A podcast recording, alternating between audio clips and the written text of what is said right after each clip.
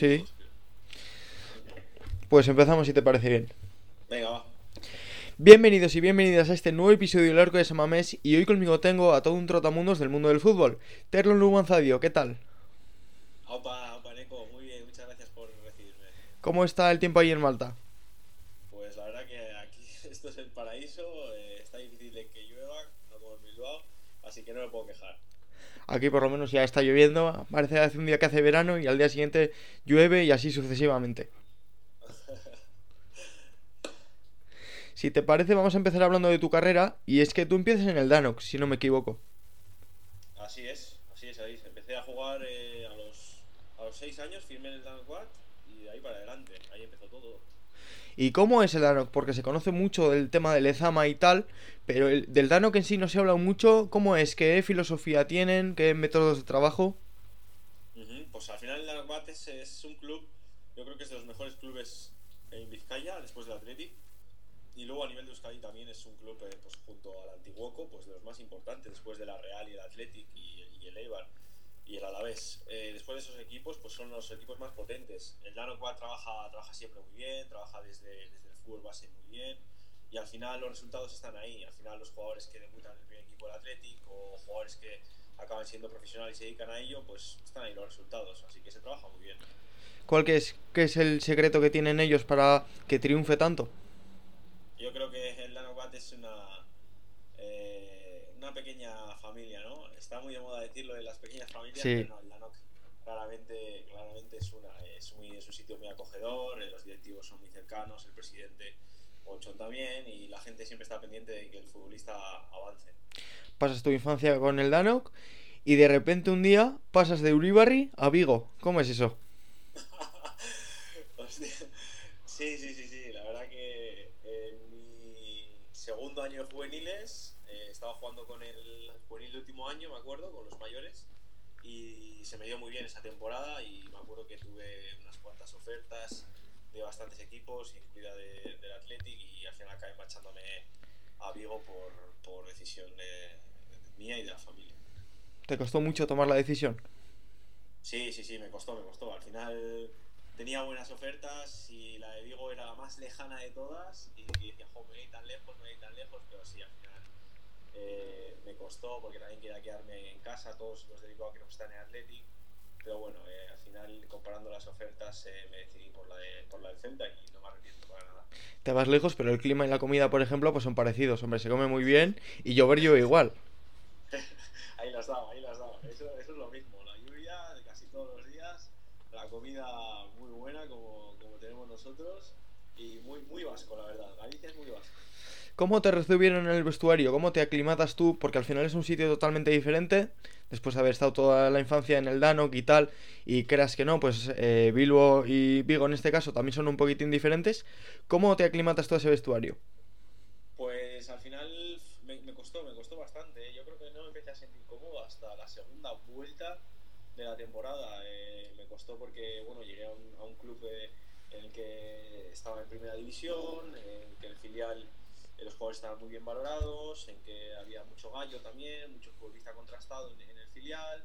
Y entonces me costó un poco hacerme, hacerme a los compañeros, hacerme un poquito a esa, a esa rutina profesional, ¿no? Venía de, de jugar en, en Uribarri, como bien has dicho, y me fui a un fútbol y me costó un poco, ya te digo, hasta la segunda vuelta no, no me empecé a sentir cómodo. Ese es un tema también del que quiero hablar, porque en los filiales de- no debe ser muy fácil eh, gestionar un vestuario. Al final, Tarsi, con el que creo que coincidiste, o si no coincidiste casi casi, me comentaba en su día que sí que había una buena piña, en este caso en el Bilbao Athletic, pero que siempre se nota que hay alguno que quiere subir y tal, que es un poco difícil, porque hay algunos que se quedan por el camino y otros que están ahí despegando. Claro, así es, así es. Como bien te dijo, como bien te dijo Tarsi, ese vestuario del Athletic yo los conozco y era muy buen vestuario, la verdad. Y, y están muchos vestuarios, pero ese era muy, muy cercano, la verdad. Y es eso, que al final se trata de, de, de competencia, ¿no? Compites contra los que están a tu alrededor, todos quieren subir al primer equipo, todos quieren estar arriba, todos quieren llegar, que se fija el entrenador. Y al final no deja de ver de vez en cuando esas, esas pullitas y esas, esas ganas de, de querer superar al de al lado. Entonces eso eh, sanamente, o sea, es sano, es una rivalidad sana pero al final deja que haya un poquito de, de, tensión en los vestuarios de los filiales, la verdad. Al final te aclimatas y acabas jugando más de 50 partidos en el filial del Celta. ¿Crees que creías que te va a llegar la oportunidad de debutar en el primer equipo? Sí, sí, sí, sí, sí. La verdad que en cuanto cuando llegó Berizzo, eh, esa temporada, me acuerdo que hice la pretemporada con el primer equipo y me acuerdo que contó un par de veces con, conmigo para, para entrenar y recuerdo que en un partido de Copa del Rey contra el Athletic en San Mamés, en el que se estrenaba San Mamés. 3-2, si no me equivoco. Que marcó el primero Charles. Sí, sí, sí, sí. Eso es. es ese, ese partido iba convocado y al final me caí de la lista. Estábamos Borja Iglesias y yo y, y al final me caí yo. ¿Y cómo sienta eso en ese momento? Que ves que quizá ya vas asomando un poquitín por la élite y, y no acaba de llegar. Pues la verdad que me sentó bastante mal porque venía entrenando toda la semana con ellos, yo pensaba que iba a viajar, que iba a venir a Bilbao, que iba a debutar en Samames, se me ocurrieron muchísimas, me pasaron muchísimas cosas por la cabeza y al final no se dio nada de eso.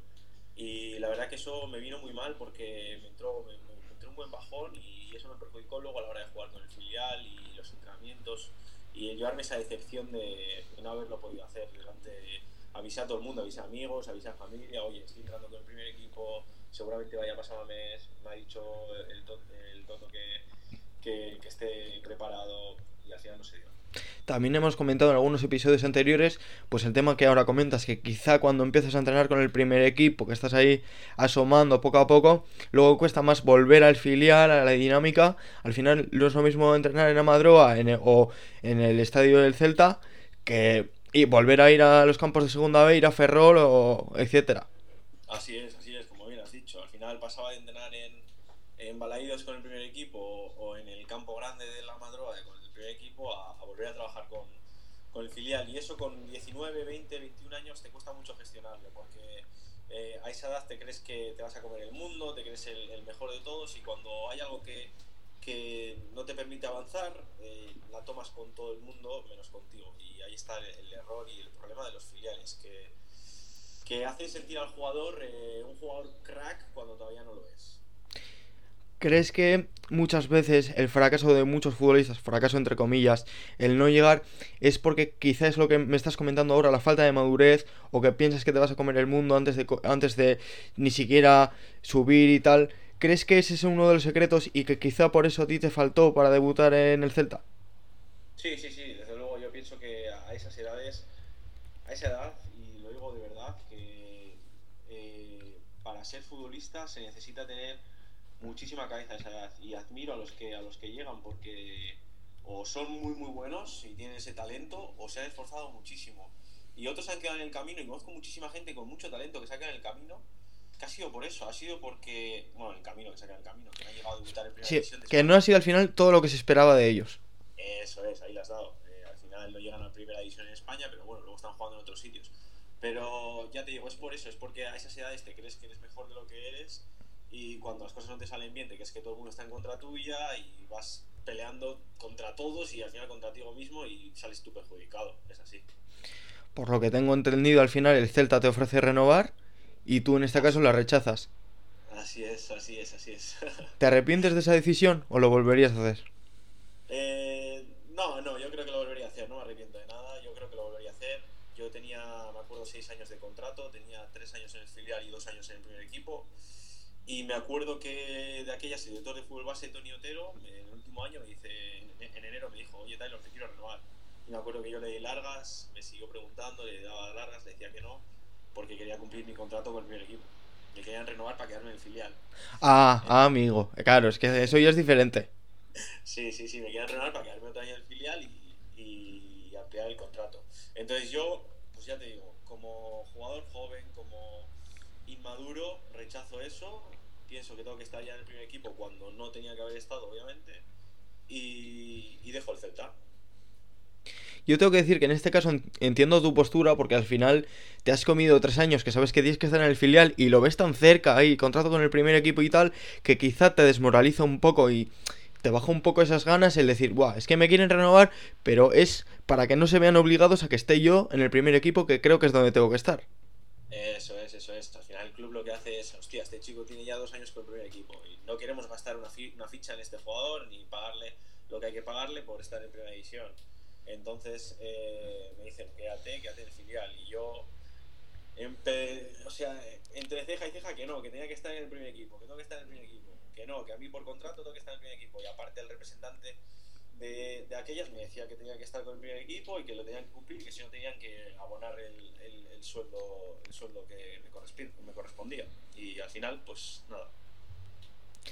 Y crees, o, sea, en ese momento entiendo que casi te sientes, y está un poco feo decirlo, pero casi como un estorbo, ¿no? Porque creo que si tú tienes en la cabeza, en este caso, pasar al primer equipo y tal, y que te estén ofreciendo que estés en el filial otros dos años más, y no solo eso, sino a toda costa, porque tampoco te ofrecen una solución de, yo que sé, un año y un año. Es decir, estar un año más en el filial y luego subir al primer equipo. Eso, como futbolista, ¿cómo te lo tomas? ¿Te desmotiva? En este caso entiendo que sí, o o al revés. Porque hay mucha gente que este tipo de rechazos luego le viene bien para intentar demostrar y dar más y pues te has equivocado, mira dónde estoy y ahora no vuelvo ni para Dios. Sí, sí, sí, sí, eso ya te digo, entra ya la mentalidad de cada uno. Eh, yo creo que a mí obviamente me, me, fue por el otro lado, yo pensaba que, que, se habían equivocado ellos, que yo no tenía nada que demostrar y que yo ya tenía que estar en el primer equipo y me equivoqué. Y al final se trataba de, de seguir trabajando y seguir demostrando de que tenía que estar ahí. Y era una pues eh, con los compañeros míos que yo veía que estaban subiendo, yo no subía, ellos subían, yo competía contra ellos y al final eso te lo tomas muy a mal y ya te digo, a esas edades no sabes qué, no sabes qué pensar, no sabes qué pensar. Rechazas la oferta de renovación y llegas a Leibar, en el que haces una pretemporada, no sé si es la primera o la segunda, pero que hay una foto muy famosa tuya con Mandig, que creo que le pones las cosas bastante difíciles cuando estaba en el Celtic.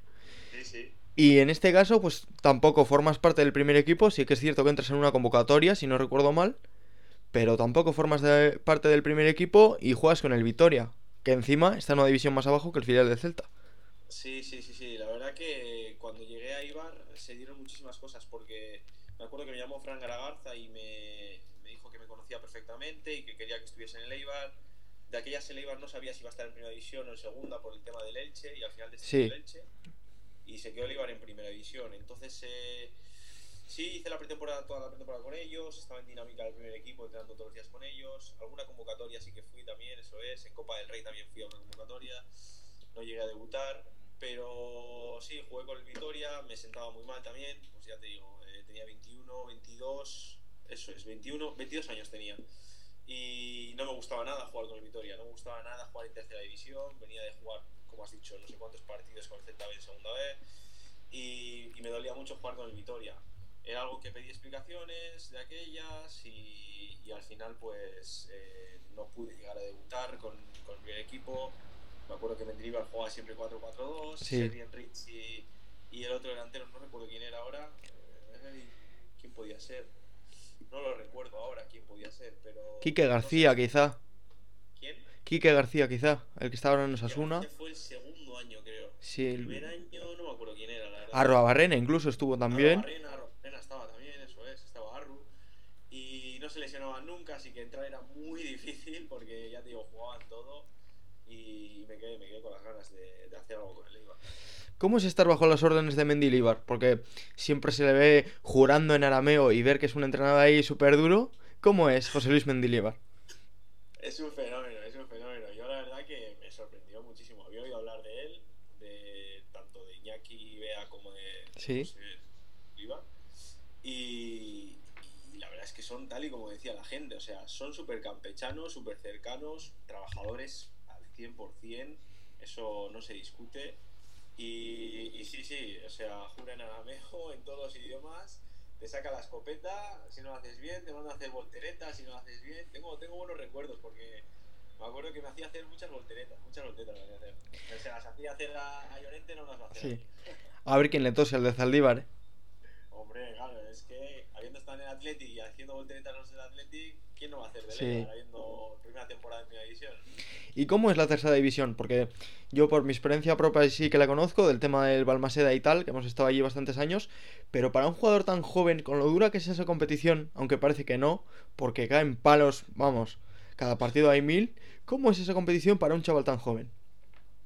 Pues la verdad que es una competición muy fea, la verdad que es una competición muy fea y es es una categoría en la que yo siempre digo que se pierden los jugadores. Es una categoría en la que hay jugadores con, mucho talento que no consiguen encontrar esa motivación de liga y de, rivalidad para, para, poder hacer buenos partidos. En tercera división hay jugadores extraordinarios, lo que pasa que es muy difícil, de verdad, es muy difícil, lo digo por experiencia, encontrar una motivación.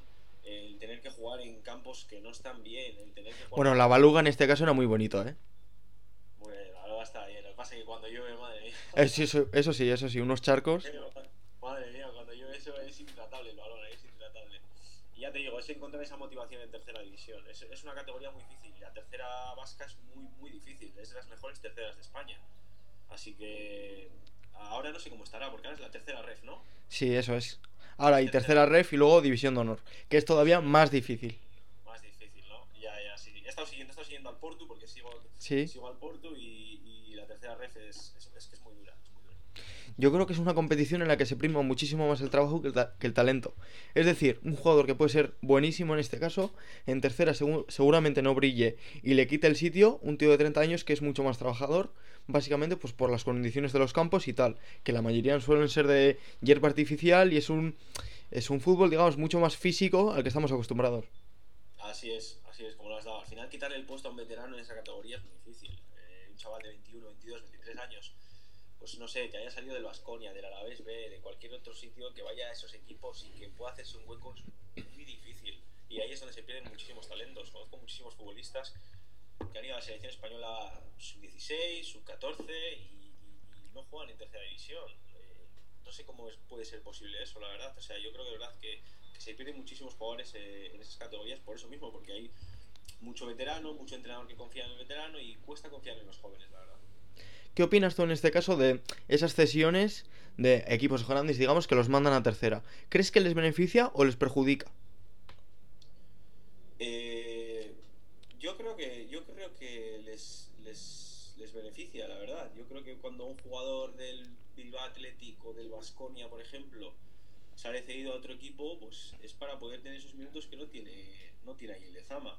Entonces yo creo que eso beneficia. El jugador al final lo que quiere es, es que lo que queremos es jugar. Sí. O sea, nosotros lo que queremos es, es, es jugar, nada más. Entonces, el, el, verte que no estás jugando, qué tal, ir a otro sitio y que te sientas importante, es que yo creo que no solo a nivel futbolístico, a nivel de, de, de vida, que, que, te haga sentir que, que, te sientas querido y que la gente confíe en ti, eso te sube la autoestima. Entonces eso hace que trabajes mejor. Pasamos ahora al año 2017 en el que hay un episodio que es bastante sonado y es el caso de Mark Triles, que creo que te acordarás perfectamente. Tú sufres de racismo en un campo de fútbol y no solo no se toman medidas contra la persona que te los lanza, sino que encima te sancionan a ti. Así es, así es, como bien has dicho, Mark Triles, jugador de las de Tarragona ahora mismo, eh, me, me, insultó y, y, me atacó verbalmente en, en, el partido. Lo pasé muy mal en esa época, me acuerdo, pero sí es verdad que tuve muchísimo apoyo, en parte por el Eibar, que era el club del, del que yo era, eh, la presidenta del Eibar, y luego muchísimos amigos, compañeros, políticos me apoyaron bastante, entonces estoy bastante agradecido con eso. Eh, lo pasé mal, pero bueno, ya te digo, es un episodio que ya lo tengo bastante lejos y bastante ya abandonado de mi mente y en el que, en el que me gusta hablarlo, pero no sacar ya mucho detalle, ¿entiendes? Sí. ¿Has hablado con él después de esto? Es decir, ¿hablasteis después? ¿Te pidió disculpas o...? El presidente de... Cuando él jugamos contra el Atlético Saguntino, el presidente de Saguntino y Mark Triles se quisieron poner en contacto conmigo y lo rechacé, me acuerdo, eh, tres días después o cuatro días después de lo que pasó, intentaron ponerse en contacto conmigo para pedirme disculpas, que no tenía que haber pasado, bla, bla, bla, bla, bla. Y me acuerdo que rechacé, estaba muy caliente, estaba muy enfadado con lo que había pasado, sí. me había enterado también de la sanción. Y entonces lo que dije, mira, yo paso de ese chico, él por su camino, yo por el mío, le pongo una denuncia y, y que pase lo que tenga que pasar. Después, al final de pelearte en los campos de barro, te llama el Atleti. ¿Te lo esperabas? Buah, la verdad que no me lo esperaba para nada. O sea, me hizo la llamada de José María Morortu sí. ha sido una de las mejores llamadas que he tenido en los tres últimos años. O sea, ha sido una llamada en la que colgué con José María y dije, qué feliz estoy de poder ir a casa, de poder ayudar, porque de aquí ya se Vascoña no estaba bien, y me acuerdo que yo llegué en enero, y de poder ayudar a los chavales y de poder enseñarles y de poder guiarles y dirigirles a lo que tienen que hacer. O sea, estaba muy contento, volver a, volver, volver a era para mí increíble. ¿Con qué rol ibas? Porque ya tenías más o menos 23 años, quizá de ir subiendo peldaño a peldaño o más de ayudar al equipo a salvar la categoría y de enseñar a los jóvenes. Pues en ningún momento, de verdad, en ningún momento fui con idea de, de subir peldaño, peldaño, peldaño. Mi idea era ayudar a los chavales, eh, hacerles sentir de que eran buenos jugadores, sobre todo llevarme amistades también. Y, y como bien has dicho, era mi, mi, objetivo era guiarles. Primero salvar la categoría, sí. obviamente, que la salvamos. Eh, y luego guiarles. La verdad que en el momento en el que llegué confié muchísimo en, en muchos jugadores, ya te digo, eh, y en el que puse el ojo, y, y, tengo testigos, tengo conversaciones, puse el ojo en, en Oyer Zárraga y me hace muchísima ilusión verle ahora mismo en primera división. O sea, para mí siempre, siempre he dicho a todo el mundo, a todo mi alrededor, he dicho, este chico, desde que yo a Baskonia, este chico va a llegar al primer equipo y va a ser muy bueno. Pues a ver si te va a tener que llamar algún, alguna plancha electoral para que hagas de jugador. Porque atinaste, vamos. Sí, sí, sí, sí, sí, la verdad que lo veía, lo veía muy claro. La... Y también me pasó con muchísimos jugadores, ¿eh? O sea, con, con, con Diarra, con John Cabo, con Ewan Urain, con Imanol, eh, con muchísimos jugadores, con Álvaro Núñez también. Me pasó con muchísimos jugadores que veía que tenían un talento de la hostia, un talento de la hostia. Decías que estos chicos tienen que llegar, lo que pasa es que necesitan ese ánimo, ese empujón, esas ganas de, de estar arriba, ¿sabes? ¿Qué es lo que más recuerdas tú de aquella etapa en Lezama con cariño? Lo que más recuerdo eh, de Lezama eran los compañeros, el día a día, los entrenamientos, eh, los días de tecnificación. Que los días de tecnificación en Lezama son de un día en concreto, a la semana se hacen entrenamientos específicos para delanteros, medios centros, defensas y porteros. Y esos días eran, eran muy buenos en los que José María Morros nos, nos ayudaba muchísimo, nos ayudaba muchísimo. También recuerdo con mucho cariño el subir a entrenar con, con Berizo, porque Berizo ya me conocía del Celta. Y cuando vino al Athletic, pues un par, de, un par de veces me acuerdo que subí con el primer equipo a entrenar, echamos un par de partidos, muy buenos recuerdos, la verdad. ¿Se la tenías guardada al Toto ya pasado pisado? pasado pisado, pasado pisado. En cuanto me enteré por su, por su, por su fichaje, mandé un mensaje a su cuerpo técnico, tenía todavía el número del cuerpo de los, del staff técnico, de algunos. Entonces lo primero que hice fue mandarles mensajes, darles la bienvenida, si necesitaban cualquier cosa de Bilbao, podían contar conmigo. Y, y, la verdad que luego cuando vi al, al Toto, pues eh, se acordaba perfectamente de mí y, y, la verdad que me hizo muchísima ilusión, me hizo mucha ilusión. ¿Crees que tuvo mala suerte? Sí, sí, sí, sí. Para mí el Toto en, en el Atleti tuvo muy mala suerte.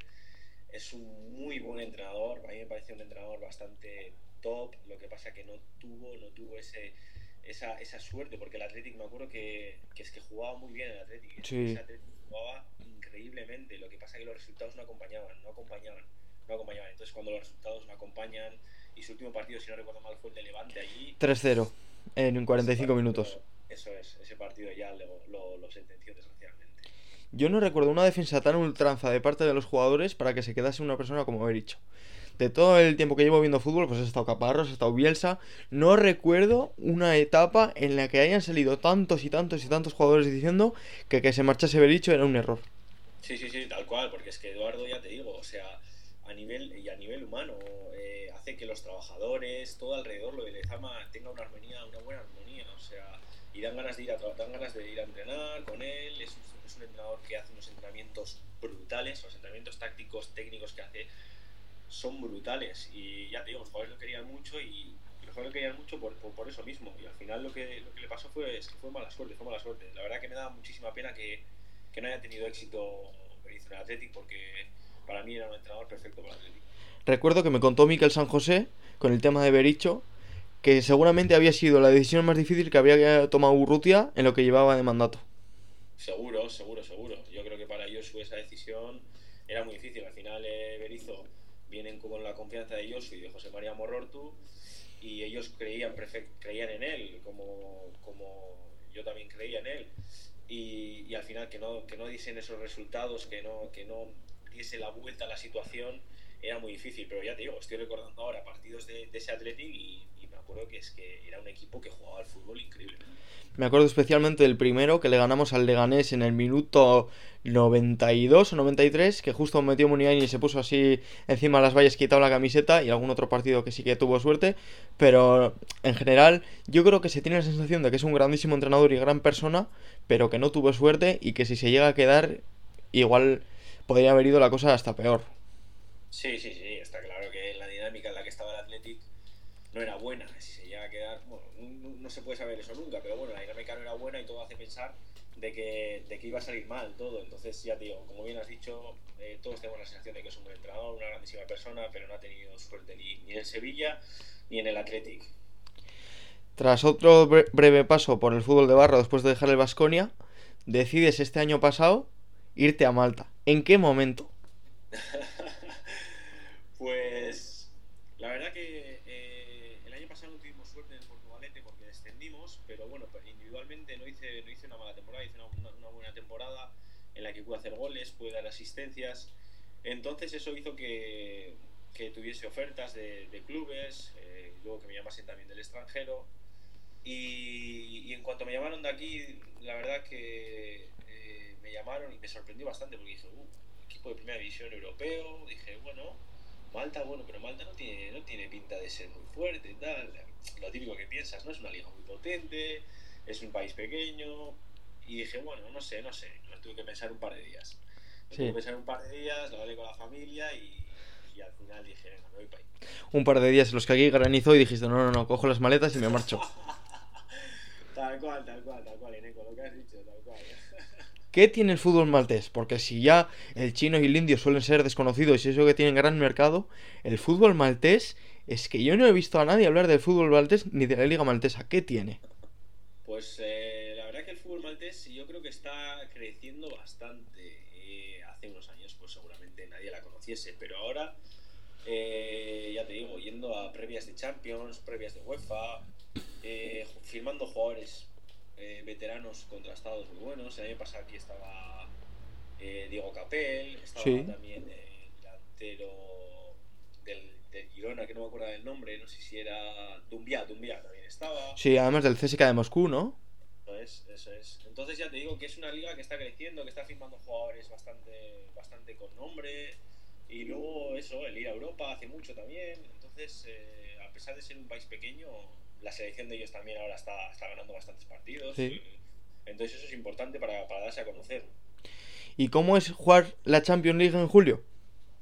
Buah, pues a mí me pilló, me pilló por sorpresa porque yo me acuerdo que firmé un 26 de junio y el 7 de julio había previa de Champions. Entonces me pilló súper sorpresa. Me acuerdo que jugamos en Estonia y, me pilló, ya te digo, recién llegado aquí, pero es una experiencia brutal. O sea, ya te digo, es una experiencia en la que ni me imaginaba jugar nunca. Y espero que este año podamos terminar ganando la liga y, jugar eh, otra vez la previa de, de, Champions. Y si nos eliminan, pues bueno, iríamos a la Conference League. ¿Cómo se analiza en este caso? Porque debe ser dificilísimo, por ejemplo, ir a Estonia. ¿Cómo analizas, analizas tú? en este caso el cuerpo técnico, el rival que te toca en la Champions. Porque igual te toca uno de Moldavia, del que no has oído hablar nunca, porque te puede tocar el Sheriff, que si le conoces, pero te puede tocar otro que no sabes ni el nombre. ¿Cómo se lleva la preparación de esos partidos? ¿Vais un poco a ciegas o...?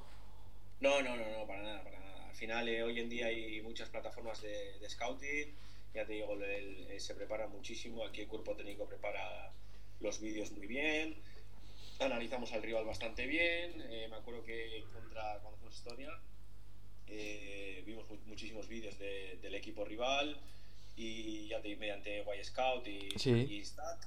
Entonces, ya te digo que no vamos a ciegas, conocíamos a los jugadores, conocíamos sus comportamientos, cómo jugaban y, y ya te digo, hoy en día no hay ningún problema para conocer a los rivales. ¿Y la vida en Malta cómo es? Pues muy caribeña, muy, muy de isla, muy isleña, es una isla al final. Yo, yo es muy como Gran Canaria, como Gran Canaria más o menos, eh, así, de ese estilo, eh, son muy tranquilos a hacer las cosas, eh, muy campechanos, sí, sí, muy, el tiempo pues igual que en Canarias, sol, la verdad que es todo muy tranquilo aquí. Un paraíso entre comillas, ¿no? Un paraíso entre comillas, un paraíso entre comillas, en el que todavía no me he acostumbrado del todo, porque yo soy muy cosmopolita, yo Sí. soy de edificios, de ambiente, de tal, y aquí estoy un poquito apagado, pero bueno. ¿Qué es lo que peor llevas de estar allí? El estar solo, el estar solo, el, el no tener a mi gente, a mis amigos, a mi familia, eh, estar solo aquí me está, se me está haciendo duro, o sea, ya te digo, eh, me quedaría aquí cinco años más jugando a fútbol y, y luego volvería.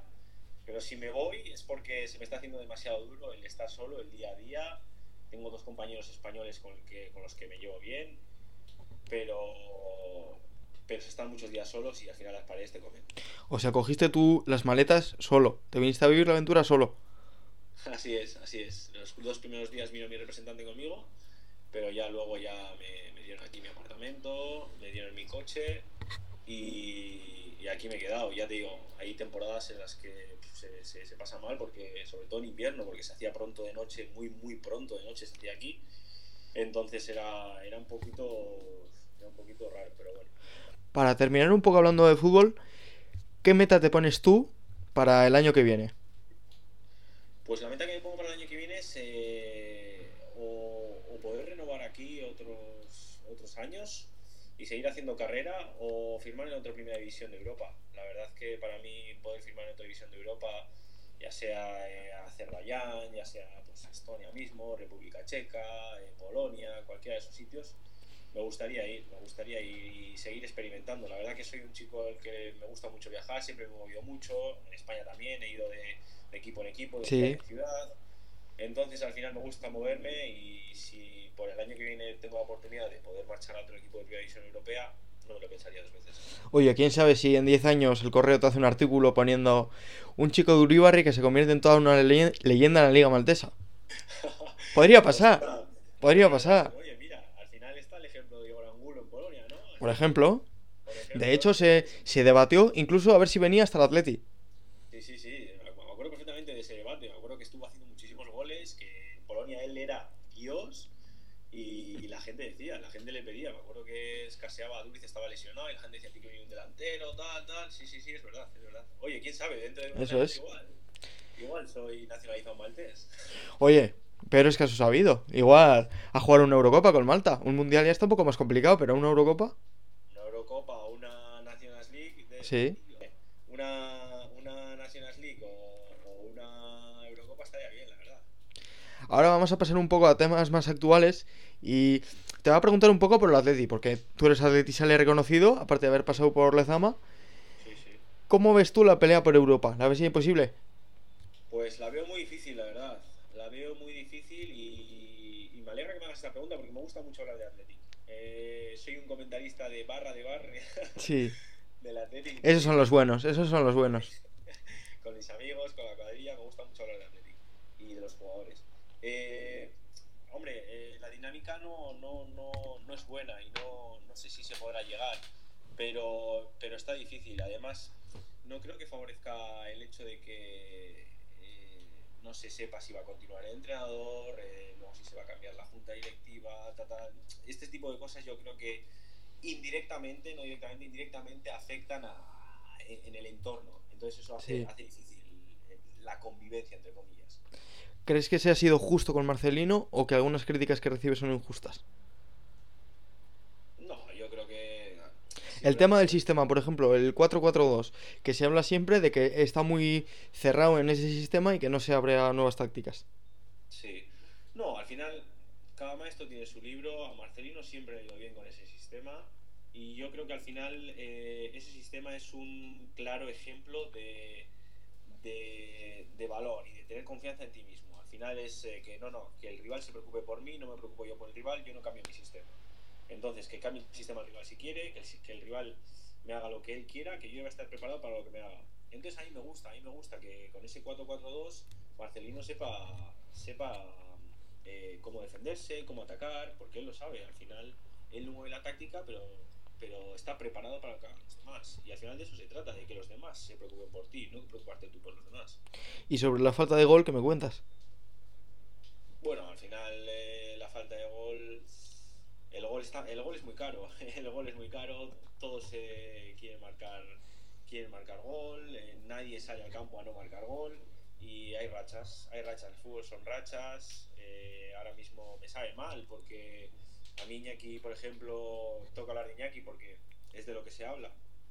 Y a mí, por ejemplo, Iñaki es un jugador que me gusta mucho, es un jugador que para mí da muchísimo al Athletic, da Sí, muchísimas cosas, da muchísimas cosas en, en el terreno de juego. Sí, es verdad que hay días en que cada uno no tiene un, pues, un buen día, Pero, pero Iñaki da muchísimo y, y, va por rachas. Yo creo que pues tanto Iñaki como Iker, como Raúl, como, como Berenguer, son jugadores que, que hacen goles, que marcan goles y, y yo creo que eh, en el momento en el que tengas una buena racha continua, eh, eso, eso hace que, que marques muchos goles.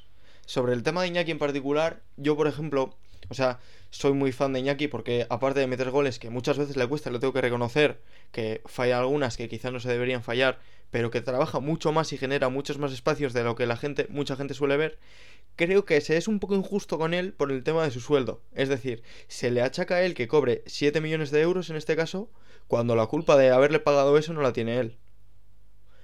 No, desde luego, o sea, para mí el tema de Iñaki, lo, de, lo del dinero, o sea, no tiene, no tiene nada que ver. Quiero decir, si a ti te ofrecen 7 millones de euros, obviamente los vas a coger y los vas a aceptar. El problema no es suyo. Obviamente los aceptas. Gente tiene que acordarse, Iñaki de aquellas eh, era futuro talento de Europa. Eh, Iñaki le querían muchísimos equipos. Eh, Jürgen Klopp, que es un entrenador que conoce todo el mundo, eh, quería Iñaki Williams y le gustaba Iñaki Williams. Entonces, si tú quieres retenerlo en Lezama, hay que pagar y ya está. Y luego lo que haga en el campo no lo mezcles con lo que ha conseguido fuera. Es que a mí lo de mezclar el, el salario con, con, lo que hace en el campo no, no, me gusta nada, no me gusta nada, la verdad. Porque Iñaki, aparte de lo que tú has dicho, aparte de, de, de, de los goles que le está costando hacer, es que te genera muchísimo. Y el fútbol es espacio y tiempo. Y Iñaki tiene eso, que te genera muchísimas cosas, muchísimas, muchísimas. Yo creo que sí que es cierto eso. Y ahora pasando un poco a la cantera, ¿a quién ves tú con opciones reales del Bilbao Atleti en este caso de pasar al primer equipo y reventarla? ¿El año que viene? Sí. El año que viene, de los que están ahora en el Bilbao Athletic, yo creo que Beñat Prados y Álvaro Núñez. La de Álvaro Núñez te la dejo votando porque me has preguntado antes por él, ¿eh? sí, sí, sí, sí. Yo creo que esos dos eh, el año que viene, haciendo pretemporada y teniendo oportunidades, pueden, pueden dar la sorpresa. Vamos a pasar ahora también a un poco temas más humanos, porque tú, como has comentado antes, tuviste un episodio de racismo. Y en el fútbol quizá ahora sí que se están tomando más medidas, pero siguen pasando estas cosas lamentablemente. Así es, así es, sigue pasando y es algo en lo que tenemos que seguir trabajando, seguir denunciando y cada vez que podamos hablar, como tú me estás dejando ahora en, tu podcast, eh, me parece muy bien que saques el tema para poder, para poder eh, eh, usar este micrófono para que la gente sepa que hay que dejar de, de, de lado el, el, racismo en el fútbol. Por desgracia, siguen pasando cosas, sigue habiendo anécdotas y tenemos que tratar de erradicarlo. No solo nosotros como jugadores, sino los aficionados y los que mandan en, en el fútbol. ¿Crees que de verdad se le está poniendo remedio o es un poco una excusa de hacer algo para lavarse las manos? Eh, para mí se puede hacer mucho más. Para mí yo creo que se puede hacer mucho más. Eh, creo que el típico anuncio de Dino al racismo y todas estas cosas que se dicen y ponen en pancartas y tal, y lo que hace la, la UEFA, la FIFA y toda esta gente, yo creo que no vale. Eh, necesitamos muchísimo más, necesitamos unos castigos muchísimos más duros para la gente que, que realiza estos insultos. Y, y, el último ejemplo, por, por, ejemplo, ahora que estamos hablando de esto, pues lo que le pasó a Iñaki en Cornellá sí. con el español. Para mí el castigo para esa gente es insuficiente. O sea, el castigo que tiene que tener esa gente es muchísimo más alto del que, del que tuvieron. A esa gente se le tiene que caer la cara de vergüenza, esa gente tiene que salir sus caras en televisión, esa gente tiene que ir a un bar al día siguiente y, que la gente lo señale. O sea, eh, una multa económica al final es, es, una multa y es un, es un castigo, pero me parece un, castigo muy. Y del tema de que en este caso se castigue, por ejemplo, pasó con Balotelli que se quiso marchar del campo y no le dejaron con todos los compañeros, ¿crees que eso perjudica más que beneficia si se marcha uno y el resto no le acompaña? ¿Tiene que ser todos una piña? Sí, sí, sí, desde luego que, que para mí los compañeros tienen que, tienen que ayudar a esa persona. Al final es que no sabemos qué, le, qué pasa dentro de cada uno y cómo le afectan las cosas a cada, a cada persona. Entonces, eh, si una persona está recibiendo insultos, no tiene por qué ser fuerte esa persona. Estamos acostumbrados a que la gente no, sí. la gente tiene que ser fuerte, la gente tiene que asimilar que le pueden insultar, que tal. No, no, no. no que eres futbolista y cobras para ello y no es así. Claro, claro. Aquí cada uno tiene su, su vida, sus problemas y le afectan las cosas como le afectan. Eh, si a un jugador le llaman puto negro y ese jugador se quiere poner a llorar y marcharse al vestuario y para casa, lo hace y los compañeros, como buenos compañeros, le tienen que acompañar. Yo en este caso estoy totalmente de acuerdo. Pasamos ahora, antes de acabar, a un tema sí que es un poquitín más delicado. Y es que tú compartiste vestuario con Santi Mina, actual jugador del Celta, y que está acusado de presunta violación, que de momento tiene pinta de que sí que, bueno, ha le ofreció la víctima 400.000 euros por el silencio. O sea que quizás se puede suponer que sí que tiene razón. ¿Qué opinas de este asunto? Pues eh, la verdad que es un asunto muy difícil para mí, dado a mis principios respecto al feminismo y, y a las mujeres. Es un tema bastante complicado, ya que Santimina y David Goldar son, son muy amigos míos. Como bien has dicho, compartido estudio con ellos, pero sigo teniendo amistad con ellos. Eh, seguimos hablando todos los días y, es un tema muy delicado. Es un tema en el que mmm, no te sabría decir ahora mismo qué es lo que pienso acerca del tema, pero te puedo decir que es un tema muy complicado y que, espero que mmm, acabe bien para las dos partes. ¿Cómo se lleva en este caso? Porque al ser amigo tuyo, imagino que cuando lo ves por la tele la primera vez y sí que, pues al final todo el peso mediático recae sobre él, ¿cómo lo lleva una persona tan cercana como eres tú en este caso? Muy difícil, muy difícil, ya te digo. Como bien te he dicho, mis principios eh, feministas y, y, acerca de las mujeres eh, no me dejan no me dejan disfrutar de la amistad que tengo con, sí. con, con Santi. Lo primero es lo primero, lo primero es eh, la salud de las mujeres, que las mujeres tengan igualdad y que no haya acoso ni abuso de ningún tipo. Entonces ya te digo que es un tema muy difícil en el que no me quiero, no me quiero meter mucho ni, ni mojarme y la justicia dirá lo que, lo que, lo que tenga que decir. ¿Y qué crees en este caso que jue siga jugando de, en el Celta de titular o que siga entrando en las convocatorias? ¿Crees que le beneficia más que le perjudica o al revés? ¿A Santi, a Sí. Santi en concreto? Sí, No, yo creo que puedes seguir trabajando independientemente que tengas un, un juicio, yo creo que puedes seguir haciendo tu trabajo. Si es verdad que mentalmente te afecta, mentalmente no estás al 100% y se te pasan muchísimas cosas por la cabeza. Si es verdad que no estás en tu mejor momento, porque recuerdo que Santi empezó la liga muy bien, empezó la Sí. liga siendo uno de los mejores voladores de- del Celta, uno de los voladores españoles también. Y, y ahora en 2022, pues la cosa ha ido a menos. eh, yo creo que un poquito también por, un, por el cúmulo de cosas en las que está pasando ahora Santi. yo creo que te honra mucho, la verdad, dar tu opinión. Creo que no es fácil en este caso, porque es escoger entre una cosa y otra, aunque parezca que no. No hay, en este caso sí que no hay grises, hay o blancos o negros. Así es. Y para acabar, me tienes que contar qué meta te pones de aquí a que acabe tu carrera. De aquí a que acabe mi carrera, ¿qué meta me pongo? Pues. La meta que me pongo, que veo que puedo conseguir, es jugar una competición europea. Ya sea UEFA, ya sea Champions o Conference League. Hombre, yo firmaba que el año que viene el Atleti se clasifica a Conference y el Ibernians, aunque pueda jugar la Champions, pues oye, acabe en Conference también y nos toque en el mismo grupo, estaría bien. Bueno, bueno, eso sería, eso, se- eso sería la leche, eso sería la leche. Que estuviésemos en Conference League y fuésemos a Bilbao, madre mía, eh, te vuelvo a llamar. Sí, sí, hacemos en especial. Tenemos que hacer otro especial porque sería la hostia, la verdad. La verdad que sería, sería, sería, sería bastante bueno, la verdad. No sé qué, qué, qué posición entra en España. El, que si gana, si gana este sábado el Betis, en este caso el Betis la Copa del Rey, entra el séptimo. Y el Atleti está ahora mismo a cuatro puntos, sí. Vale, vale, vale. Hostia, pues se puede dar, ¿eh? Sí, sí, por poder se puede dar. Por poder se puede dar. Jo, pues me haría, me haría bastante, me haría bastante ilusión, la verdad. Me haría muchísima ilusión poder enfrentarme por frente al Atlético. Si pasa esto, ahora mismo yo garantizo aquí mismo, en este podcast, que, que esa camiseta, si hay partido, esa camiseta va para el podcast. Perfecto. Yo, como no, lo voy a firmar. Pues ojalá, porque además creo que el Atleti no se le suelen dar bien los equipos exóticos europeos, nunca se le han dado bien. Veas el Zoria, el Apoel, el Bate Borisov, siempre, siempre, siempre, sobre todo fuera de casa, siempre nos pintan la cara y si leemos el telediario el día siguiente. Cierto, cierto. Pero ojalá que se dé ese partido, que encima será súper especial para ti. Así es. Y- Así es ese partido. y ahora te va a poner un compromiso a ti. Sí, sí. Yo iré con el Atleti, claro. Ah, vale, vale, vale, vale, vale. Entonces me pienso en la camiseta. que no, hombre. Yo a cambio te ofrezco, si vienes la próxima vez que vengas a Bilbao, yo tengo un sitio de socio, si quieres de acompañante, puedes venir sin ningún problema. Si no tienes entrada o lo que sea, empate, así dejamos empate a uno.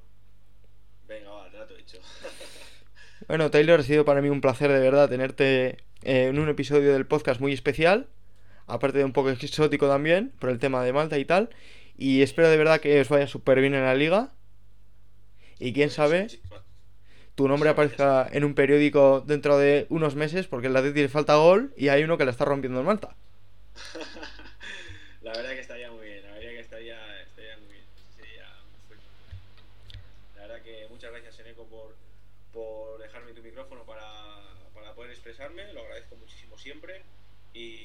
deseo lo mejor para el podcast. Es un podcast de, de la leche. Y, y, a seguir dándole duro, Nico. Muchísimas gracias, Taylor. Un abrazo. Un abrazo grande. Agur.